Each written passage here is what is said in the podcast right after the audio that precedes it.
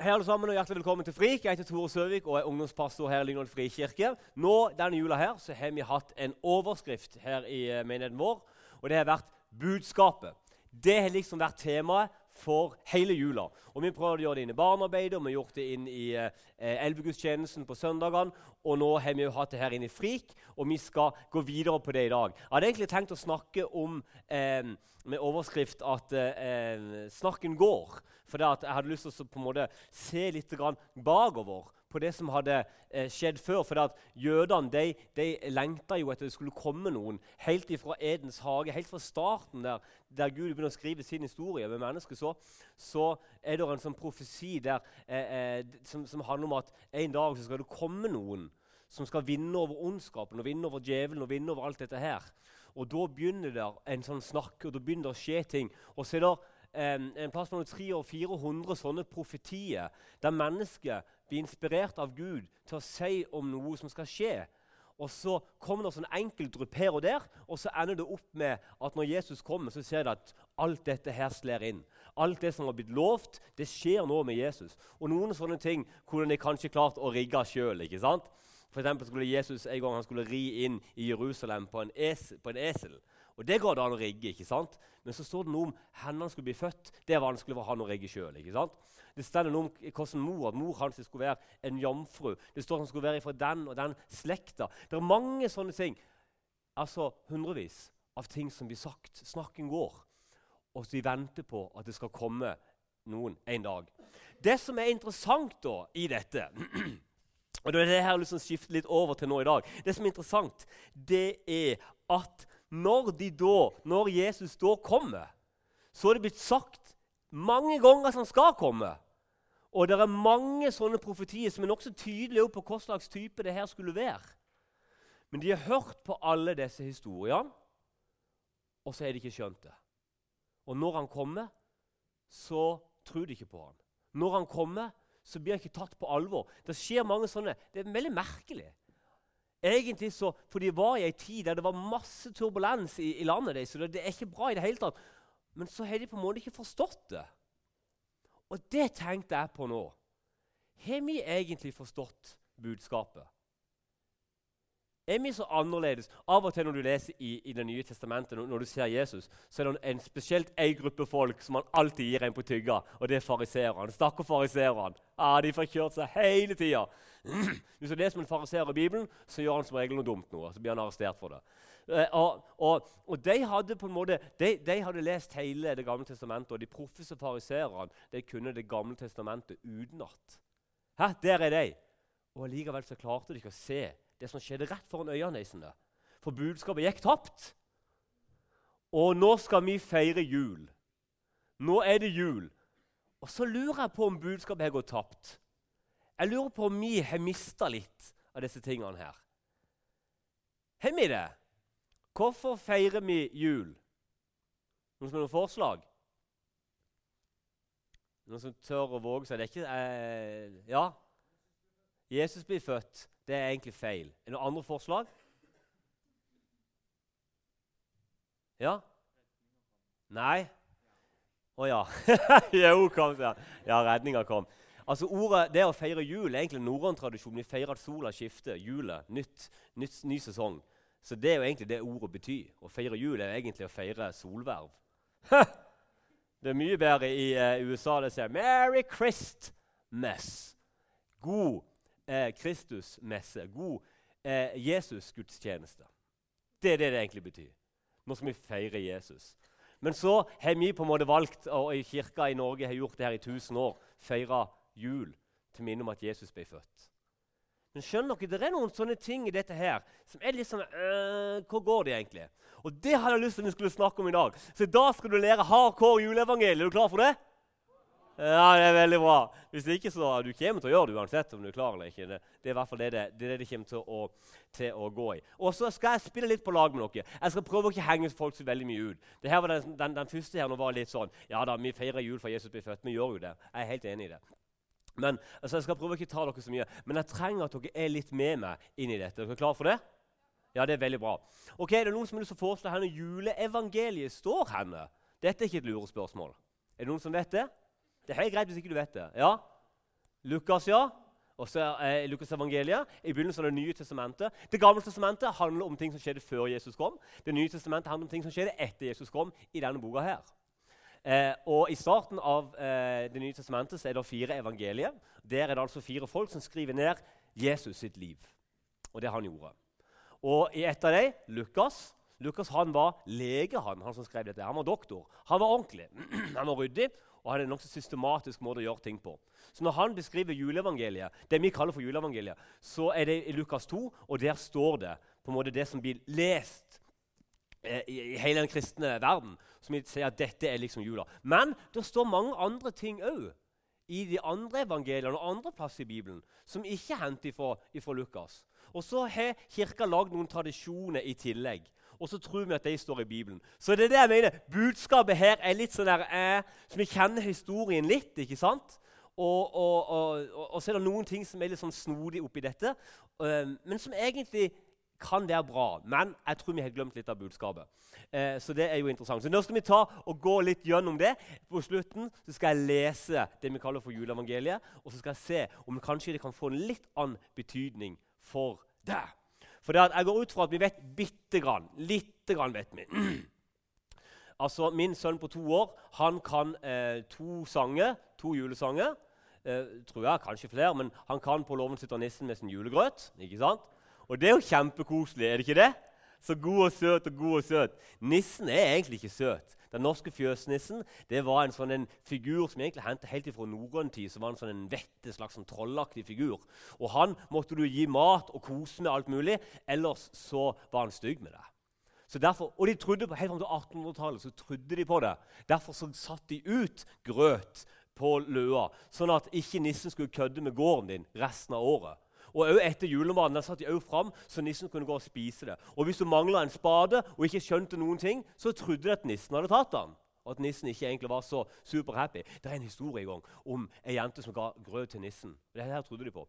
Og Så la hun smøret i bunnen av fatet og grøten oppå. Og når nissen så det, så ble han så sinna at han gikk og drepte kua. Den beste melkekua. Og så angra han etterpå. Så gikk han og stjal kua til naboen og satte den i, i sin egen gård. God jul! Fin type har gående rundt huset der her. Han er jo helt sånn her bipolar og fæl. det er jo ikke bra i det hele tatt. Og dette syns vi er veldig koselig. Kjempekoselig! God jul med denne nissen. Det er merkelig. Budskapet forsvinner, og så gjør vi det til en romantisk greie som ikke helt stemmer. Men det er greit. Ok, Nå skal vi se litt på noe av dette her som er det kristne jula sitt budskap. Og her har vi da ei herlig julegrubbe. Her ser vi mange bra folk, og i tillegg ser vi en ekstra skadeskutt engel. Han er knekt en vinge, så han er nær fortelling. Han legger vi sånn. Det synes jeg er alltid interessant. Ofte sånne, sånne, sånne engler de ser jo ut som sånne eh, tiåringer eller sånne, sånne overvektige, sånne litt sånne nasty babyer med vinger. Har du sett dem? Med sånn trompet, sånne skikkelig feide sånne små babyer. Ja. Jeg er glad for at det ikke er min skytsengel som skal passe på meg. Det er en sånn en, en, eh, en baby med stor BMI. Det, jeg tror ikke det er sånn. Englene, englene er noe annet. Englene er ikke sånn. Og det er litt av poenget òg. Altså, vi ser en engel her. Her ser vi en engel. Eh, og den engelen her er jo for så vidt eh, ikke sånn. I, hva er det noen, opp med hånda. Hva er det første engelen sier når han kommer? Det første som blir sagt når engelen kommer, ja?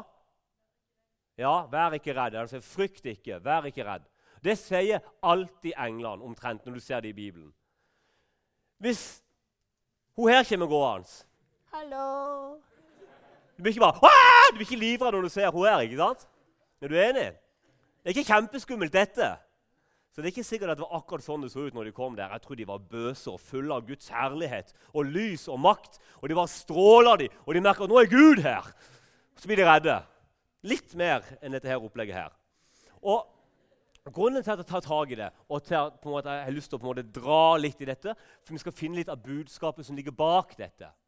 For når Gud kommer, og de englene representerer Gud Når Gud kommer med, eh, med måte sin autoritet og det som er, så er det ikke alltid så koselig. Av og til så tenker vi at det å være en kristen alt er bare sånn der, ho og hei. Det, det, er ikke det. Det er 150 millioner forfulgte kristne i verden i dag. Det er den største forfulgte menneskegruppa i verden. Og når de møtes og har sine gudstjenester i hule under jorda og hvisker Bibelen inn i hverandres øre i frykt de, Når de har sin lovsang, så, så hvisker de det noen plasser. For blir de hørt, så blir de drept. Ikke sant? Da er det ikke så, altså, Når de ber om beskyttelse, så ber ikke de om å få en overvektig baby. Skjønner du? Når de møter Gud, så er det noe hellig for dem. Og det er det for oss alle sammen. Engelen representerer det hellige. For Gud er hellig. Ja, men jeg tror at Gud er bare snill. Det er ikke så mye, Jeg driter i hva du tror, på en måte. For Hvis du tror at jeg er et esel, så er jeg ikke det, selv om du tror det. Ikke sant? Du kan tro at jeg er ei kvinne. Alt du vil. Jeg er fremdeles mann. Bare spør kjerringa mi. Du kan ikke forandre på det. Hva du tror om Gud, er på en måte interessant. Det mener jeg jo, for det skal vi kanskje jobbe med. Og, et eller annet. Men hvis Gud er Gud, så er Gud Gud, uansett hvor du tror at Gud er. Ikke vel? Du kan ikke forandre på det. Gud er bare snill og god. Ja, Få håpe det da, når du skal møte ham. da. Jeg tenker Det er mer relevant å finne ut av hvem Gud er. På ordentlig. Ikke bare hva jeg syns, men hva Bibelen sier, som har definert kristen tro i så mange år. Og i det her budskapet så ser vi litt av Gud i de hellige englene, som bare er mektige og fullt av lys. Og det er enormt. Og de blir livredde, for de skjønner at når de møter det hellige Jeg tror at i møte med lyset så blir mørket alltid utfordra. Og jeg tror de blir redde, for de, de ser på sine egne liv og bare Å, det her er ikke bra. ikke sant? Så engelen er, er på en måte et bilde på Gud, og det heller det store regnet. Litt tøffere enn dette her. Og så er det alltid noen dyr inni denne stallen. her. Og Vi har til og med en sånn knallbra julesang. Det syns jeg er gøy. Jeg sang det for veldig sånn tydelig overdrevent for, uh, uh, for uh, min sønn på to år. Bare for tøyse for han kan ikke alle ordene. så derfor kan jeg liksom si det på ordentlig. Og oksen der og asen sto, og asen sto, synger jeg til han. Og han skjønner ingenting. ikke sant? For Vi har som i julesangen at oksen og asen og alt dette var der. Det stender ingenting om i Bibelen. Så Vi vet jo ingenting om det var dyr i denne stallen. Den stallen som, i, som Jesus ble født i. Han ble født i en stall. Og en stall i, i, i våre dager er jo en trebygning med, med dører og litt sånt. ikke sant? Eh, sånn var ikke stallene før i gamle dager. Det var enten hule Veldig mange hadde også stallen i første etasje i huset sitt, og så bodde de i andre etasje. Så da ble det som en slags eh, det ble som en varmepumpe. Altså, de, vi har hørt masse om det nå i dag, hvor forferdelig det er at uh, kuene fiser så mye. Det er ozonlaget vårt er hekfjell. ikke sant? Dere har hørt om det? Det er kjempefarlig. Visstnok. Men på den tida var det kjempebra når de feis ned i første etasje. og vi ble varmt i andre etasje, så bodde de der. Så det at når Jesus ble født i en stall, så var nok ikke det en trebygning. Kanskje var det noe annet. Kanskje var det i første etasje i et hus, eller kanskje var det i en hule i et fjell som var greit for det å gå inn eh, etter hvert. De ble ikke melka med melkemaskin, og det var liksom ikke noen sånn roboter som klødde dem på ryggen. Det var en litt annen måte å drive gård eh, på den tida. Derfor så, så det jo litt annerledes ut. Ikke for å ødelegge på en måte i, uh, i, uh, i din romantiske framstilling av jula. Men poenget kanskje med å ha disse dyrene i denne stallen, det er jo med å representere alt det som finnes i denne verden. For Det står en plass i Bibelen at Gud elsker så, eh, så Gud elsker verden. Han elsker alle tingene. Han elsker steinene som du trør på, han elsker stjernene vi ser der oppe, og han elsker sommerfugler som flyr der, og vannet som renner, og alt sammen. Og dyrene og hele greia. Alt er en del. Og når vi ser at Jesus går inn i en stall, så er det på en måte inn i hele skaperverket. Han blir født inn i, i hele verden. Alt som er der, er representert. Så det at Jesus er en del av hele greia. Og når de i tillegg kan tenke dere at stallen kanskje var enten i hule eller i første etasje i et hus, da, så vet vi at han er midt inne i det daglige, i det livet, det det handler om. Det handler jo mye mer om for deg å få rydda stallen og få dyrene til å overleve, enn det handler om å se kul på Instagram, ikke sant? som er viktig for oss i dag. Men for den tida så det er på en måte budskapet med at han blir født i en stall, er at det er ikke et palass, det er ikke fint og fancy, det er ikke bare for de rike og ikke bare for de vellykka. Nei, nei, nei, nei. Han blir ikke født på et sykehus der ting er ordna. Det er risikofullt der Jesus blir født. Det er masse bæsj der. Og lite. De har jo ikke såpe engang på den tida. sant? Desinfisering, det er sånn det. Spytt, da er det rein. Det er liksom det nærmeste du kommer en ordentlig vask. Så Jesus blir født inn i noe som er så utrolig farlig for han å bli født i, og Maria òg, at det er helt crazy. Infeksjonsfaren er enorm i denne stallen her. Og Jesus han blir født inn i en stall der det er dyr, eller i hvert fall hvert dyr, og det er risikofullt. Det er med livet som innsats. For Sånn er jo vår verden. Sånn er det for din del òg. Livet ditt er jo ikke et glansbilde. Det er jo så mye mer og så masse rart. Og Jesus kommer inn i akkurat det. Utrolig, utrolig bra. Og så har vi jo da eh, Maria, som er her. Eh, og det her er jo ikke så dårlig gjengivelse. Maria hun slipper nokså greit ifra det når vi ser eh, Maria i, eh, i ei krybbe.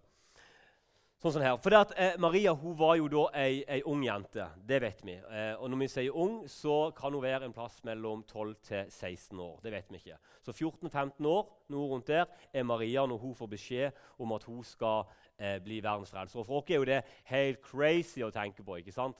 At når du er, eh, altså For noen av dere som hører dette, skulle liksom ha vært mor til, til, til Jesus på tre år. Ikke vel? Eh, og det er liksom en, en, crazy tanke. Men på den tida var det selvfølgelig veldig annerledes. De gifta seg tidligere, fikk barn tidligere. alt dette. Nå gjør vi jo det når vi går av med pensjon noen plasser. Mens, mens før så var det eh, familien var kjempeviktig. Var sånn, ja, så de begynte tidlig med det. Men hun er veldig, hun er veldig, veldig ung. Og det er jo et, sånn, det er jo et poeng.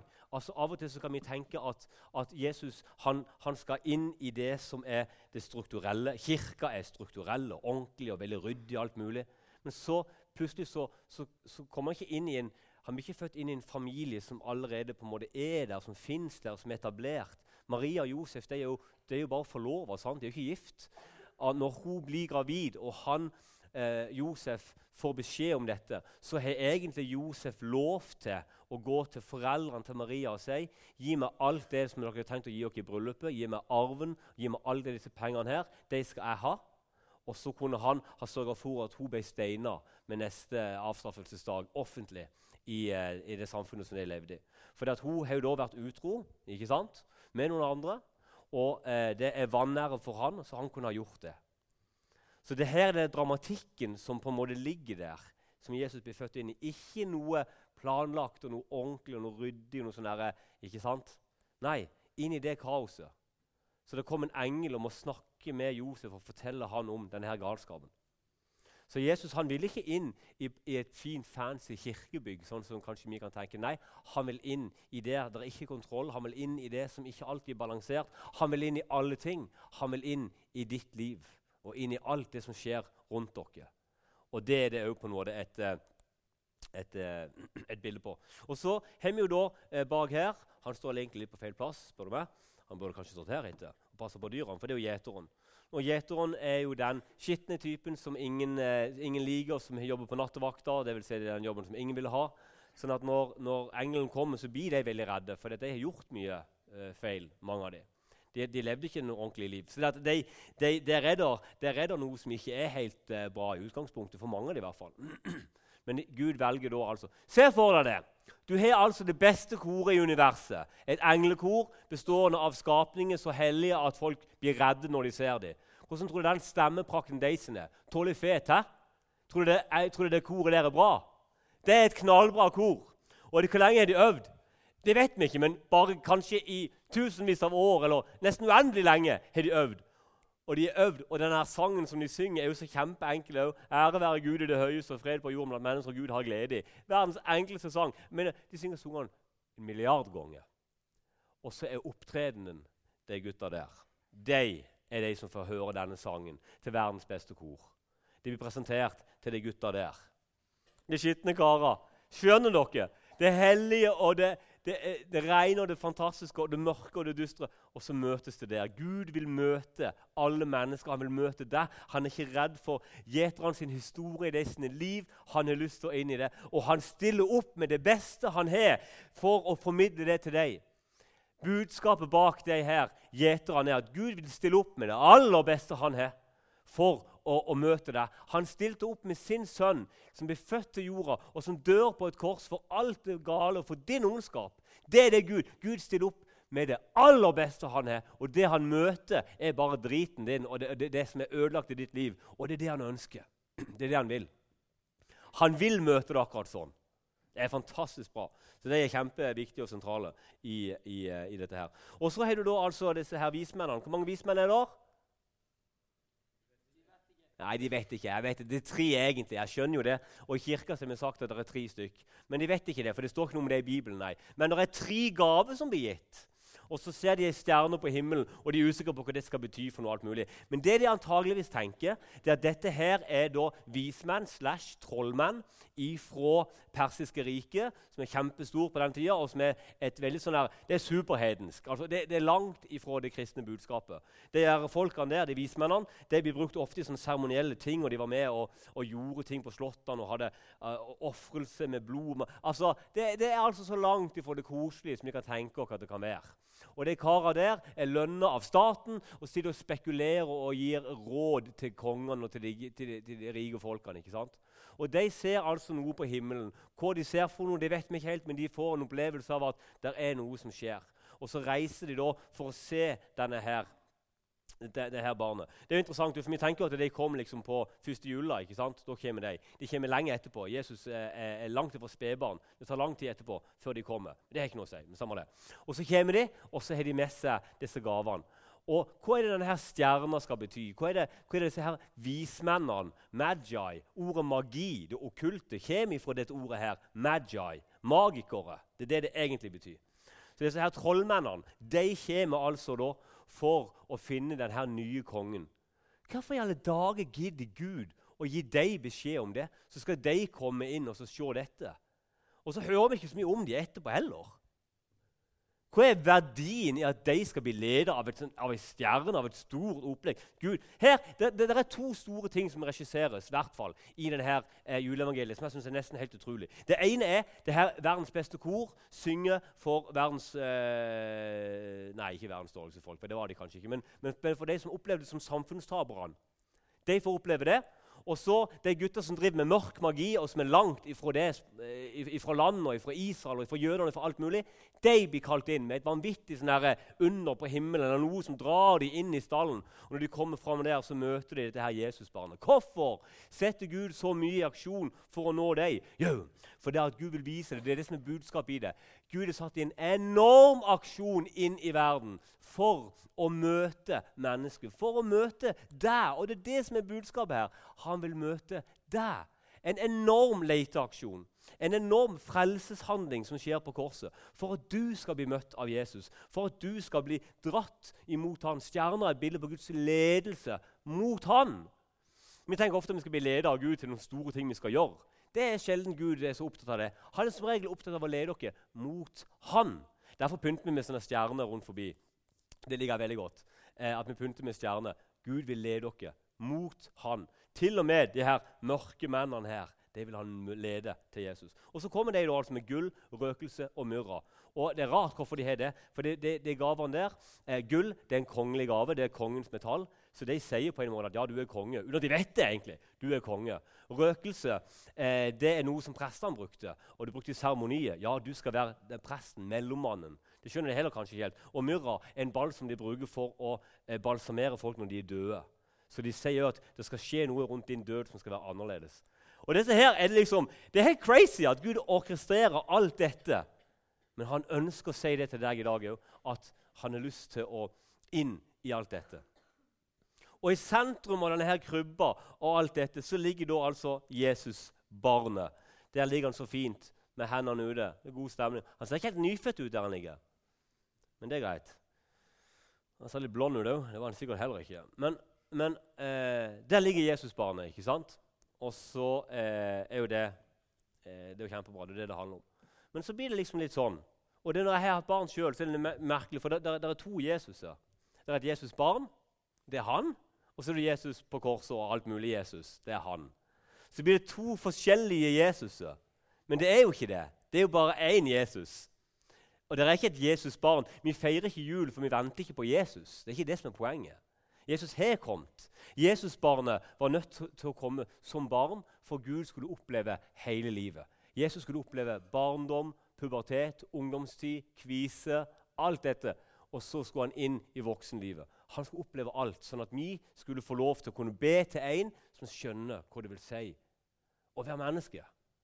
Derfor er Jesus der som barn. Og Jesusbarnet blir utrolig viktig for å forstå at det handler om hele, om hele mennesket. Nå skal jeg lese juleevangeliet for dere. Og så vil jeg at Når du hører dette her nå, så vil jeg at du skal ha en tanke Jeg vet at Noen kan det kanskje litt utenat.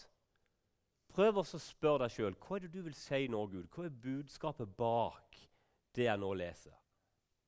I Jesu navn. Det skjedde i de dager at det gikk ut befaling fra keiser Augustus om at hele verden skulle innskrives i manntall. Denne første innskrivningen ble holdt mens Kverinius var landshøvding i Syria.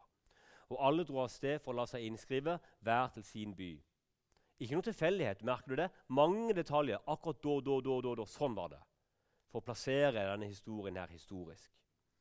Josef dro da fra byen Nasaret i Galilea opp til Judea, til Davids by Betlehem, siden han var av Davids hus og ett. Josef er sjefen i familien. Han er fra den slekta til David, så da måtte han inn til sin by. For å la seg innskrive sammen med Maria, som var lovet bort til ham, og som ventet barn. Og mens de var der, kom tiden da hun skulle føde. Og hun fødte sin sønn, den førstefødte. Hun svøpte ham og la ham i en krybbe, for det var ikke husrom for dem. Sikkert det verste øyeblikket i Maria sitt liv. Når hun er den eneste plassen å legge sin sønn, er matfatet til dyrene. Det var noen gjetere der i nærheten som var ute på marken og holdt nattevakt over flokken sin. Med ett sto en Herrens engel foran dem, og Herrens herlighet lyste om dem. De ble overveldet av redsel. Men engelen sa til dem, 'Frykt ikke. Se, jeg forkynner dere en stor glede.' En glede for hele folket. I dag er det født dere en frelser i Davids by. Han er Messias, Herren. Og dette skal dere ha til tegn. Dere skal finne et barn som er svøpt og ligger i en krybbe. Marias største nederlag blir nå tegnet som de skal finne. Med ett var engelen omgitt av en himmelsk hærskare som lovpriste Gud og sang. Ære være Gud i det høyeste og fred på jorden blant mennesker Gud har glede i. De fire linjene hadde øvd på i tusenvis av år. Da englene hadde forlatt dem og vendt tilbake til himmelen, sa gjeterne til hverandre.: La oss gå inn til Betlehem for å se dette som har hendt, og som Herren har kunngjort for oss. Merk at de snakker om Herren, ikke om England. De opplever det som Gud sjøl som er møtt dem. Og de skyndte seg av sted og fant Maria og Josef og det lille barnet som lå i krybben. Da de fikk se ham, fortalte de alt som var blitt sagt dem om dette barnet. Alle som hørte på, undret seg over det gjeterne fortalte. Så det var ikke bare Maria som var i stallen, det var flere folk der. Men Maria tok vare på alt som ble sagt, og grunnet på det i sitt hjerte. Gjeterne dro tilbake. De lovet og priste Gud for alt de hadde hørt og sett. Alt var slik som det var sagt dem. Alt var sånn som det var sagt dem. Mye er blitt sagt til deg, og du har sagt mye. Mye blir sagt om ditt utseende, mye blir sagt til deg sjøl i speilet. Mye blir sagt om eh, familien din, om historien din, om egenskapene dine, om skolegangen din, om din evne til å møte folk eller mangel på evne, dine sosiale egenskaper. Masse er blitt sagt, og masse har vært eh, sant, og mye har vært usant. Derfor så trenger du et nytt budskap. Og Jeg har skrevet litt om det som englene sa når de sang. Jeg vil at det skal være det budskapet du sitter igjen med i dag. Gud er større enn alt det du vil møte. Han er over alle ting i verden. Derfor sa de 'ære være Gud i det høyeste'. Og hans rike, det er fred inn i ditt hjerte og ditt liv. Han har løsninger på ondskapen. Derfor synger England 'og fred på jorden'. Han elsker deg. Han lengter etter deg. Og han ser etter alle mennesker som har lyst til å følge ham. Derfor så synger de blant mennesker som Gud har glede i. Skjønner du at budskapet handler om hele verden, og det handler om deg? Budskapet handler om det hellige som møter det mørke. Lys og mørke. Budskapet handler om en Gud som blir menneske for å oppleve og være en del av din smerte og din glede. Budskapet er at Jesus kom sånn at han senere kunne dø, og for, så å stå opp igjen. Budskapet er at verden er ikke forlatt. Du er ikke forlatt. Du er elska. Du er ønska, og det er en som har lyst til å gi deg evig liv. Herre Jesus, vi takker deg for at eh, du valgte å gjøre det sånn som dette. Nå, nå, som jula kommer, så er det så mange ting og mye rart med nisse og med engler og med julemat og selskap og mange ting. Jeg ber Herre om at vi skal få eh, oppi alt dette se symbolene i dette. Når vi, når vi legger gavene under juletreet, kan du minne oss på at det er du som er gaven som kom. Når julestjerna henger i vinduet, kan du minne oss på at du vil lede oss i dag. Når vi tenner lysene i mørket, kan du minne oss på at du er verdens lys. Når vi spiser og er sammen med familien vår, og har alle disse tingene, her, kan du minne oss på at det er du som er den som har skapt relasjoner, som vil ha fellesskap med oss. Kan du denne jula her, Herre, vise oss budskapet på nytt? At du er dødd, du er oppstått, og du elsker oss. I Faderens og i Sønnens og Den hellige ånds navn. Amen.